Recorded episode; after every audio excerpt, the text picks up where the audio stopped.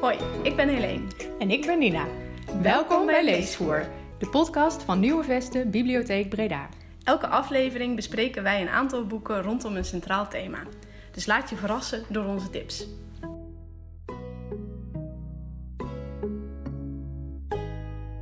Welkom bij alweer de tiende aflevering van deze podcast. In februari is het altijd de maand van de spiritualiteit. Dit jaar wordt daar geloof ik niet zo heel veel mee gedaan, uh, zagen we Nee. online. Maar we dachten, omdat het voorgaande jaar er wel altijd in februari is, eh, vinden wij het wel leuk om met dit eh, thema aan de slag te gaan. Dus we hebben een aantal boeken voor jullie uitgezocht. En dit keer geen informatieve boeken over spiritualiteit, want die zijn natuurlijk heel veel te vinden. Maar ja, gewoon romans waar levensverhalen in voorkomen. Ja, en levenslessen Oh, die, levenslessen je, ik die je inderdaad. eruit kan eh, halen. Nou ja, een levensverhaal. En een beetje richting mindfulness hebben we ook wel gekeken. Ja. Dus een beetje het- ja, op zoek naar jezelf misschien ook. Als een soort van zelfhulpboek, maar dan in, In een een verhaal. romanvorm. Ja. Ja, en, Ja, ehm, een beetje als zen-verhalen. Ja, precies. En die ook wel helpen om te ontspannen. Dus er gebeurt misschien weinig, maar het helpt wel weer om bewust te- bewuster te zijn. Of ja, niet per se ehm, dat er niks gebeurt en oh, dat heb je zo uit en, Ja. en eh, weinig diepte of zo. Maar het, het zijn wel juist verhalen die je ook weer laten nadenken Ja. over eh, het leven, over jezelf, eh, bepaalde keuzes die je maakt. Ja, dus als je wel hoort aan ons, wij weten nog niet precies wat voor genre dit exact is. Ja, precies. Maar wij houden het gewoon op levenslessen in verhalen. Ja, precies. nou, dat is toch mooi. Ja, zal ik beginnen met de eerste? Ja, is goed. Want ik heb hele leuke boeken meegenomen, al zeg ik het zelf. Ehm, en de eerste is Wabi Sabi van Francesque Mirai. Ik hoop dat ik het goed zeg. Maar het is dezelfde auteur van de bestseller Ikigai. Dat schreef hij namelijk samen met Hector Garcia. Dus het boek Ikigai. Eh, en die hebben ook samen na Ikigai eh, weer meerdere boeken daar, eh, daarna geschreven. Over ook hetzelfde onderwerp ook. Over, ja, precies. Ja, het gaat echt over de Japanse manier van leven. Oké. Dus Ikigai, daar zijn ze dan mee begonnen. Ehm, dus ja, op zoek naar geluk en veerkracht. Nou ja, zo hebben ze een hele serie. Ook Gambatte, die heb ik Oh ja. Maar ook vind je Ikigai. Dus het zijn echt een beetje een soort zelfhulpboeken. Ja, die horen wel tot de informatieve collectie. Ja, precies. Ja, ja die vind je daar. Eh, maar dit boek, wat ik dus nu heb meegenomen, Wabi Sabi, is echt een roman. En er staat ook bij een betoverende roman. En het is echt ja, een heel fijn boek. Bestaat dus uit twee delen. Dus het is eigenlijk ja, een bundel van, van twee romans, maar het volgt elkaar wel gewoon op. En ja, in het kort gaat het over de ik-persoon Samuel. Ja, een beetje een eenzame eh, literatuurdocent. Die op een gegeven moment te maken krijgt met een kat in zijn leven. Die glipt bij hem eh, zijn woning in. En ja, in het begin moet hij er niks van hebben. En denkt hij, eh, ja, ik moet er zo snel mogelijk vanaf. Maar hij zet dan toch een kommetje melk voor hem neer. En eigenlijk gaat hij toch ja, stiekem waarde hechten aan, aan het bijzijn van, van die kat. Dat, Mhm. hij, eh, dat hij er is. Raakt hij ook wel op hem gesteld. En door die kat, dus sinds dat moment, verandert er van alles in zijn leven. Omdat hij ja, eigenlijk meer open gaat staan voor, voor veranderingen, voor, voor het leven eigenlijk. Mhm. Dus dat is ook een beetje de, het- hoofd, dit is zeg maar de levensles eh, van dit boek. Ja. En het deed me daardoor ook een beetje denken aan De Wandelaar van Adriaan van Dis. Waarbij Oké. die eh, hond eh, ook eigenlijk zijn, zijn eh, kijk op, op de dingen verandert en hem ding, andere dingen laat zien, zeg maar, die eh, voorheen nog niet, ja, nog nooit bij hem eh, Ja. opkwamen. Dus hij ontmoet nieuwe mensen en hij begint gewoon nieuwe dingen op te merken die hem daarvoor waren ontgaan. En dat pad ja, leidt hem dus naar ja, gewoon nieuwe belevenissen eigenlijk, naar nieuwe vriendschappen, naar de liefde. En op een gegeven moment, alles lijkt perfect, maar dan ligt ook juist weer het verlies op de loer. Wat natuurlijk ook... eh, Bij het leven ja, wat- precies. Ja. En ehm, ja, om dat dan weer te leren aanvaarden, reist hij uiteindelijk naar Japan. En daar gaat hij op zoek naar de betekenis van dat mysterieuze begrip wabi-sabi. Eh, dus dat gebeurt dan weer in deel 2, zeg maar. Oké. Maar ja, dus op die manier is het boek opgebouwd. En Japan speelt dus ook wel weer een grote rol, terwijl de auteur van het boek is zelf Spaans. Oh, grappig. Maar ja, hij is, heeft dus veel met, met Japan en de Japanse manier van leven. Ook vanwege die boeken zoals Ikigai. Ja. Ja, dus het is echt, vind ik, een, een aanrader. En ook eh, zeker, ja, het, het zorgt er gewoon voor dat je zelf ja, misschien ook anders naar dingen gaat kijken. Ja, zeker dus door, door wat hij doet, open gaat staan voor veranderingen, voor eh, de dingen die je, die je ziet en meemaakt. En eigenlijk hele simpele dingen. Hè? Het hoeft, je hoeft niet hele gekke dingen te doen, eh, hele uitzonderlijke dingen of enorm uit je comfortzone te stappen of zo om, om die switch te maken. Zeg maar. Oké. Nou, mooie les om mee te nemen, denk ik. Ja, precies. Ja. ja, en omdat het dus eh, ja, uit korte hoofdstukjes bestaat, leest, ja, het leest daardoor heel fijn. En het, het geeft je echt een, een fijn gevoel, zeg maar, om te lezen. Ja, Dus, comfort, ja. comfortboek. Ja, precies. Het past goed bij het thema. Ja. Ja, Nou, en die, had ook een, Hm. eh, een beetje vergelijkbaar. ja, Eh, het boek heet Het Bos, Vier Vragen, Het Leven en Ik. En het is geschreven door Tessa Randau. Het is een, eh, een Duitse schrijfster. Zij is ook stress- en burn-out coach. En heeft het boek ook geschreven op haar eigen ervaringen met, eh, die ze met haar cliënten had. Eh, het gaat over een jonge vrouw die een veel eisende baan heeft eh, en een heel druk gezinsleven. Maar eigenlijk alles waar ze ooit van had gedroomd. Op een gegeven moment is het haar gewoon allemaal te veel en vlucht ze naar het bos toe naar de plek waar ze als kind heel vaak kwam. En daar heeft ze een bijzondere ontmoeting, die dus allemaal kleine veranderingen, zoals jij ook al zei, ja. allemaal ja, kleine precies. veranderingen teweeg brengt in, in haar leven. Ja, Eh, maar er komen dus eh, ja, vier vragen in voor. En het zet jezelf wel ook echt wel aan het denken van oké, wat, wat betekent dit voor mij? En je kan, zou ze ook inderdaad gewoon praktisch kunnen toepassen in je eigen leven. Dus dat vind ik ook wel leuk. Het is semi-informatief, maar het is niet informatief, want het is een verhaal. Maar ja, wat je erin leest, kan je ook wel echt toepassen. ja, hè? Ja, ja, toevallig, deze hebben we dan allebei gelezen. En, ja, die had je gelezen nadat ehm, ik had getipt, hè? Ja, ja. Ja. precies. Ja, ja. En ja, wat ik nog dacht, eh, het is inderdaad een, eh, ja, een dun boekje, dus je hebt hem zo uit. Maar ik zou eigenlijk aanraden om er wat langer over te doen. Ja. Dus elke keer als je zo'n hoofdstuk of zo'n vraag, zeg maar, Tegen tegenkomt in het verhaal, dat je ook bij jezelf daar even de tijd voor neemt Ja, om het mee te nemen in je, in je leven en daarna het weer op te pakken, zeg maar. Nee, precies. Daar, daar had ik ook inderdaad op die manier eh, het een beetje gelezen. Ja, ja.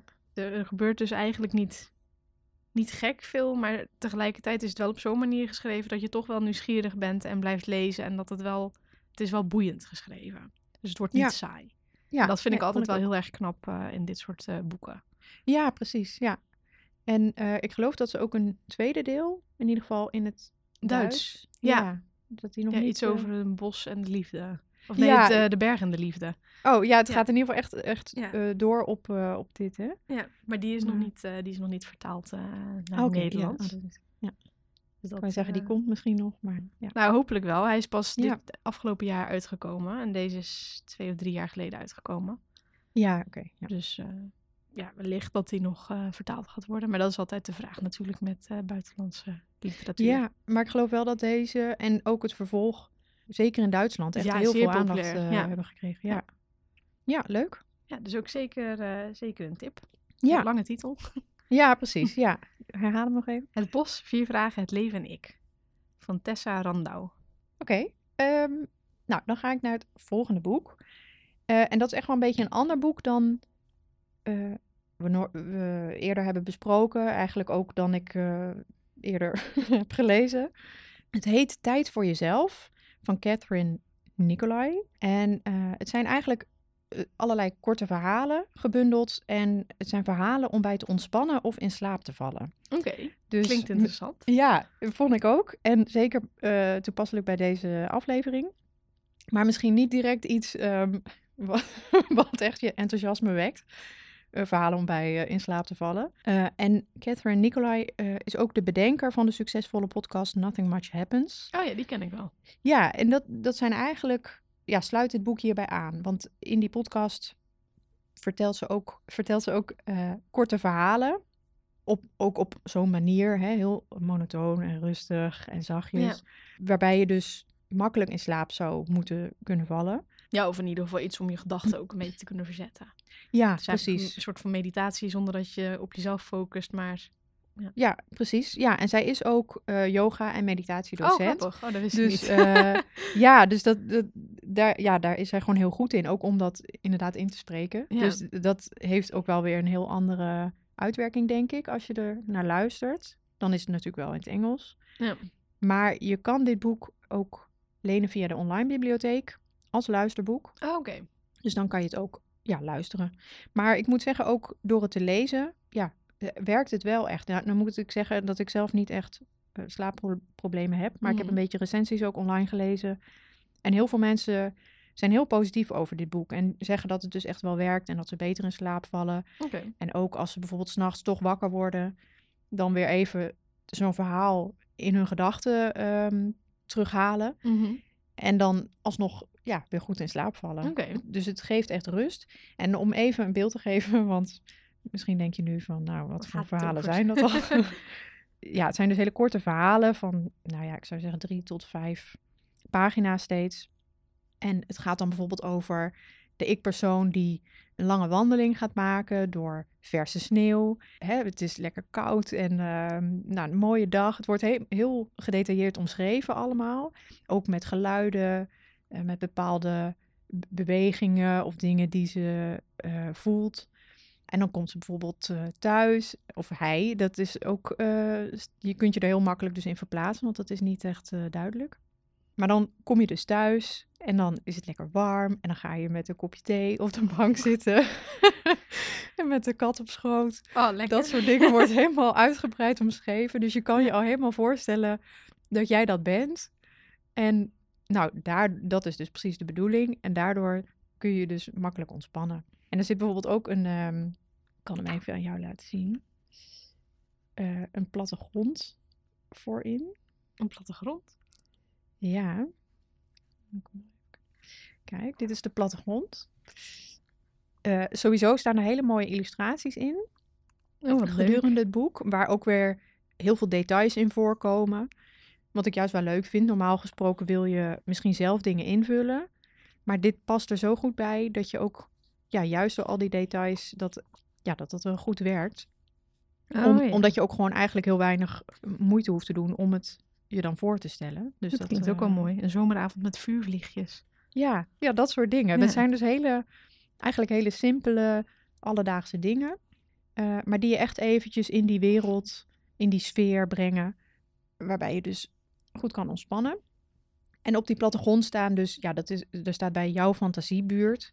En dan zie je bijvoorbeeld eh, de bioscoop, de, de yoga studio, de kruidenwinkel, de bibliotheek natuurlijk. kan niet Kan ontbreken. niet, niet ontbreken. Precies. Ik zal ook even. Ja, er is ook een hoofdstuk met in de bibliotheek. Waarin de hoofdpersoon dus. eh, nou, sowieso graag naar de bibliotheek gaat. En elke keer dan toch weer verrast is. Nou, en dan gaat ze daar naartoe. En dan. eh, ja, ik zeg dus ze, omdat ik.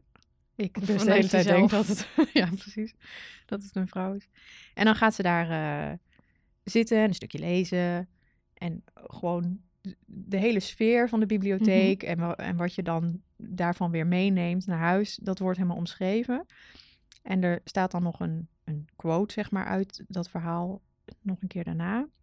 Die zal ik even voorlezen. Dat is het mooie van een bezoek aan de bibliotheek. Trek een van de duizenden boeken uit de kast en wie weet vind je zo het ultieme boek dat je tot in je ziel raakt, aan het lachen maakt, tot tranen toe roert of je leven verandert. Oh. Mooi toch? Ja. En tot slot, als je nu nog steeds niet overtuigd bent, heb je ook nog tussendoor, dus tussen de verhalen door en de mooie illustraties, eh, af en toe een recept of een meditatie, oefening eh, of tip hè, om, je, om je daarbij te helpen. Eh, en zelfs wat ja, soort knutseloefeningen. Oké. Allemaal dingen om je dus te ontspannen, om je te helpen ontspannen en eh, ja, je meer in het nu te brengen. Ja. Even los ja, wel van... echt een ander soort ja. boek dan je normaal tegenkomt. Ja, inderdaad. precies. Ja, leuk. Ja. Dus ik was hier erg door verrast. En ik denk echt dat het goed werkt. Ja, of je nou echt op zoek bent naar die rust. Ja, of dat je gewoon het lekker vindt om even iets rustigs te lezen om te ontspannen. Ja, precies. En zeker aan het eind van een werkdag. Of ja, als je gewoon veel aan je hoofd hebt. Ja. Nou, dat heeft iedereen denk ik wel eens. Dus Ja. Ja, ik heb er ook Ja. zo, die hebben we nog niet in de collectie, maar die is ook vrij nieuw. De Comfort Book. Oh. Dat is een Engels, eh, ben ik laatst in de boekhandel, eh, heb ik die meegenomen. Maar dat zijn ook Oké. allemaal korte verhaaltjes om je te helpen rust te geven of... Ja. Oh, nou ja, ik hoop dat die ook eh, Ja. bij ons komt. Ja, we gaan het zien. Ja.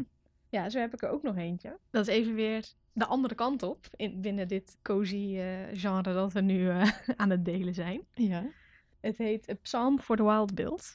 eh, geschreven door Becky Chambers. We hebben haar al eens eerder in de podcast ook genoemd. Ze is een Amerikaanse science fiction schrijfster. En dit boekje vind ik heel bijzonder. Want het is dus sci-fi, science fiction. Maar niet hoe wij het, hoe je het vaak tegenkomt. Of hoe, je, hoe het vaak bekend staat. Eh, ik heb even online gezocht. Het heet dus blijkbaar Solarpunk. Oké. Spannend. Ja, eh, en dat is eh, eigenlijk gewoon sci-fi met een positieve blik op de toekomst. Dus dat er veel met eh, duurzame Mm. energie wordt gebruikt. En dat het een, ja, een wereld is zoals die van ons, maar waar ze de klimaatverandering hebben aangepakt. En dat het allemaal goed is gekomen. Ja. En dat is in, in dit boek is dat, in deze wereld is dat ook. Het is een wereld waar duizenden jaren geleden de robots op een gegeven moment, die in de fabrieken allemaal eh, werden gebruikt, eh, dat die op een gegeven moment een eh, bewustzijn kregen. Ja. En dat die hebben gezegd van, dit, ja, dit willen wij niet meer, we willen geen werk meer doen, wij willen weten wat het is om onderdeel te zijn van de natuur. En toen hebben ze met de mensheid, heeft dus ge- heel vredig gezegd van oké, is goed. En de robots zijn massaal uit de mensenwereld vertrokken. Die zijn de wildernis ingegaan en die zijn vervolgens decennia niet meer gezien door de mensheid. Hm.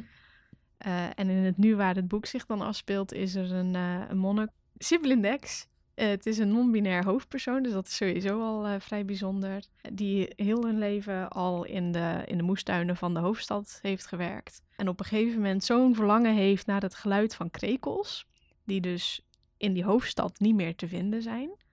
Eh, omdat er toch wel wat dieren zijn uitgestorven in hun transitie naar een duurzamere wereld. Maar die verlangt daar zo naar. Hals over kop besluit Dex om dan daarmee te stoppen en eh theemonnik te worden. En Hm. een theemonnik is iemand die eh, het land doorreist. Die zet zijn, zijn karretje neer. Mensen van de omstreken komen dan daarheen eh, met hun problemen. Die vertellen dan hun verhaal. Vervolgens krijgen ze een kopje thee dat speciaal voor hun ge- gemaakt is. En ja, het is een soort van therapeut, alleen dan niet zo diepgaand, maar gewoon even je verhaal kwijt kunnen en even bij kunnen komen, even een momentje voor jezelf kunnen nemen. Ja. Dus Dex besluit om theemonnik te worden, die gaat hun wereld rondreizen. En is daar op een gegeven moment zo goed in dat, dat het hele stukje van de krekels zoeken vergeten wordt. Eh, maar op het moment dat zij daar weer toch weer eraan denkt, komen ze er al heel snel achter van, oh, maar die, bestaan, die bestaan überhaupt niet meer in het stukje waar de mensen nu wonen. Want de helft van de planeet is voor mensen en de andere helft van de planeet is echt gewoon wildernis waar mensen ook niet meer komen en niks meer doen. En Dex op een gegeven moment besluit de wildernis in te gaan op zoek naar een oud monnikenoord wat daar in de bergen zou zitten. En op dat moment dat hij die wildernis ingaat, komt hij een robot tegen. En robotten waren dus al, al ja, decennia lang niet meer in contact geweest met de mensheid. Dus voor Dex was het eigenlijk ook een soort van sprookje dat niet bestond. Eh. En samen gaan ze dan die reis maken. Ja, het is een heel warm verhaal. En ook een stukje ja, herkenning van, van ja, hoe, wanneer, ben je, wanneer is het go- goed genoeg? Want dit is een wereld waar iedereen, waar de vrede is, iedereen heeft eten, iedereen heeft een baan met betekenis. Dus wanneer, is het, wanneer stop je met meer willen? Dus En daar- ook, eh, want ze leven dus, je hebt eigenlijk twee werelden op, op één Ja. planeet. dus je, ze leven gescheiden. Ja, nou Maar- niet, niet echt zozeer gescheiden. Ze hebben gewoon gezegd, oké, de wildernis is de wildernis. Daar mogen mensen gewoon niet Hm. meer aankomen. Je mag er wel in, maar dat doen ze over het algemeen niet. Omdat ze gewoon zelf ook in harmonie met de natuur hebben leren leven. Maar dat ze gewoon hebben gezegd van, oké, de helft van de planeet is voor de mensheid. En daar leven wij zo goed mogelijk in harmonie met de natuur. En de andere helft laten we gewoon het zijn. Ja. Maar dat, het, maar ja, omdat ja, die robots die zijn dus op zoek gegaan naar de natuur en naar die wildernis om dat te kunnen observeren. En dat geeft gewoon hele bijzondere gesprekken tussen Dex en, en de robot. Oké. En ja, het is gewoon een invalshoek die je niet zo snel tegenkomt in, eh, Nee. in boeken. In dit genre inderdaad. wat je ook Ja, al nee, zei. Maar ja. die Nou combinatie lijkt me heel het- eh ze, noemen, ze noemen ook wel eh, Becky Chambers de schrijfster van cozy sci-fi. Oké. Omdat je, ja, ja. je krijgt er dus gewoon een. Het is, er zijn geen boze aliens en er worden geen planeten opgeblazen. het is gewoon heel liefelijk. En je krijgt gewoon zelf echt nou, eh, gewoon een warm gevoel van, van oh ja, zo kan, het, zo kan het ook. Maar het zet je ook weer aan het denken van ja, welke keuzes jij maakt in het leven. En het is gewoon heel, eh, heel bijzonder geschreven. Het is een Ja. serie. Er komen nog eh, twee andere delen als het goed is uit. Nou ja, en het klinkt als een heel uitgebreid verhaal, maar ik zit naar je handen te kijken. Het is echt een heel, heel dun boekje. Ja, ja. Oh, maar leuk dat er wel ook eh, meerdere delen aankomen dan. Ja, ik vond het echt in, in ieder geval. Dit, voor mij is, was dit echt pure ontspanning om te lezen. En het is dus niet saai, omdat er dus ook wel een hele interessante wereld is gebouwd. waar je eigenlijk nog veel meer over wilt weten. En ik, ja, voor mij, ik vind het gewoon heel verfrissend. Want ik vind het heel fijn als er niet in de eerste tien pagina's van een boek allemaal mensen vermoord zijn. Of als er allemaal drama is. Ik vind dit wel. Ja, ja. Eh, Science fiction associeer je denk ik ook al snel met dystopisch. Ja, en heel veel actie. Ehm, ja, En dit en is. eh, f- ook gewoon eh, inderdaad heel veel series. Ja. Met vaak ook echt wel dikke boeken, maar dat Ja. is dit dus ook Ja, niet. dus, dus eh, laat het je niet afschrikken als je denkt dat je niet van sci-fi houdt, want dit is gewoon echt heel anders. Ja. Het is dus wel in het Engels geschreven. ja, we hebben het dus ook alleen in het Engels in de collectie. Ja. En dus een ja, non-binair hoofdpersoon, dus dat is ook wel heel bijzonder. Dat Ja. kom je ook nog niet, eh, jammer genoeg, niet zo vaak tegen. Nee, het zal wel steeds meer eh, zijn, hè? Maar, eh, Hopelijk wel, ja. Ja, En voor mij, ja, voor mij is dit een... Als, als wij hier als mensheid naartoe gaan, sign me up. ja, ja. Ja, met, met robot, ja. Nou, ik, ik zou het verhaal even moeten lezen, Ja. om, om daar iets van te kunnen Ja. zeggen. Ehm, ik heb nog een derde boek meegenomen. Eh, en dat is even los van de, van de romans die we nu hebben besproken. Eh, want dit is namelijk ja, een hobbyboek, doe-het-zelf boek. Met allerlei eh, recepten en oefeningen zeg maar erin. Dus dit ja, sta- staat wel normaal gesproken bij de informatieve boeken. En ik heb het gebruikt voor de rubriek homemates. Oh, leuk. En ja, ik zal even uitleggen, want dat hebben we hier nog niet besproken. Maar vorig jaar ben ik gestart met de homemates Hebben- eh, rubriek. Heb je dat niet al wel eens eerder verteld? Eh, volgens mij Misschien niet, helemaal in ik het begin, weet- lang ja, geleden. zou geval. Maar kunnen. verder, ja, vertel. Ja, want het is ja, nu eh, ruim een jaar, denk ik, dat, eh, dat ik daarmee begonnen ben. En toen deed ik dat elke week, echt met het idee van in de lockdown zaten we toen, wat kun je nou thuis doen om je de tijd, te doden? maar in ieder geval leuke dingen voor thuis. Dus leek het mij een goed moment om bijvoorbeeld een kookboek uit te proberen, nieuwe recepten te, te maken, te, uit te proberen. Maar ook allerlei ja, knutselopdrachten, zeg maar, die we heel veel eh, ja, ook in de kast hebben staan. Allerlei hobby, tekenboeken, noem maar op. Ja. Dus daar heb ik al heel veel, heel veel van uitgeprobeerd. Om, om daar een idee bij te geven. En echt als aanrader eh, om dat boek ook eens eh, mee naar huis te nemen. En vorige maand heb ik eh, het boek Vegan voor iedereen van Merel Wildschut eh, uitgeprobeerd. Eh Merel Wildschut is van eh, De Groene Meisjes. En vorige keer hadden we het natuurlijk ook over winterse verhalen. En ja, toen was het januari, dus toen heb ik ook de havermout smoothie gemaakt. Oké. Klinkt goed. Ja, die was echt heel lekker. Ehm, echt een ontbijt smoothie Ja. is dat. En nu heb ik het boek Smuuk meegenomen van Wimke Tolsma. Smuuk is, is gewoon een heel mooi vormgegeven boek met allemaal leuke oefeningen erin. En Smuuk wil zeggen, het is een Fries, Mhm. een Fries woord. En het heeft te maken met ja, het, het Friese geluk. Eh, dus dat kun je ontdekken in dit boek. En er staat ook bij op de achterkant, de Denen hebben hige, de Zweden hebben lagom, eh, de Japanners ikigai, waar we het net ook al even over hadden. En wij, dus de Friese, hebben smuk. Nou ja, ik vind dat wij in het zuiden daar ook wel... Voor- in een glaantje van mee ja, mogen pikken. dat mogen wij toch ook wel... eh, Ja, wij hebben gezelligheid, toch?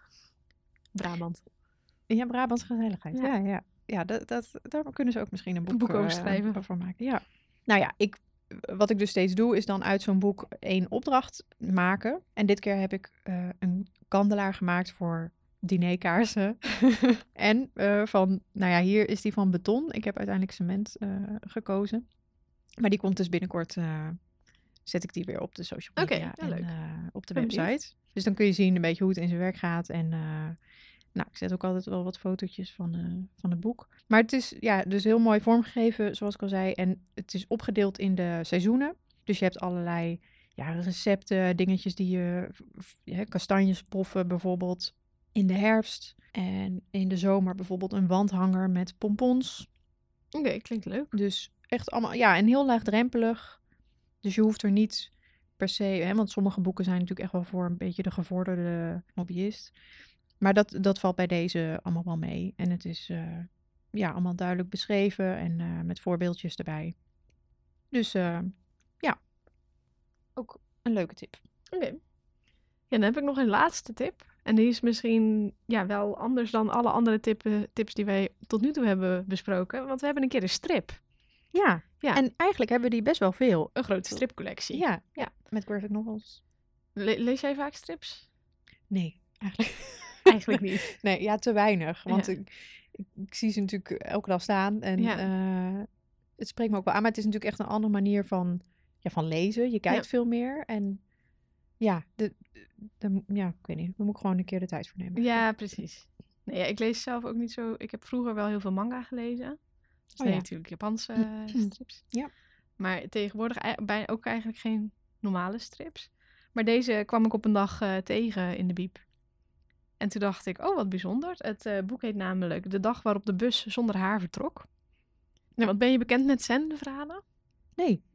Eh, ja, het zijn dus eigenlijk korte, inspirerende verhaaltjes eh, die vanuit het zen-boeddhisme dan aan leerlingen verteld werden om iets duidelijk te maken. Dus een, een levensles of inzichten te geven. Oké.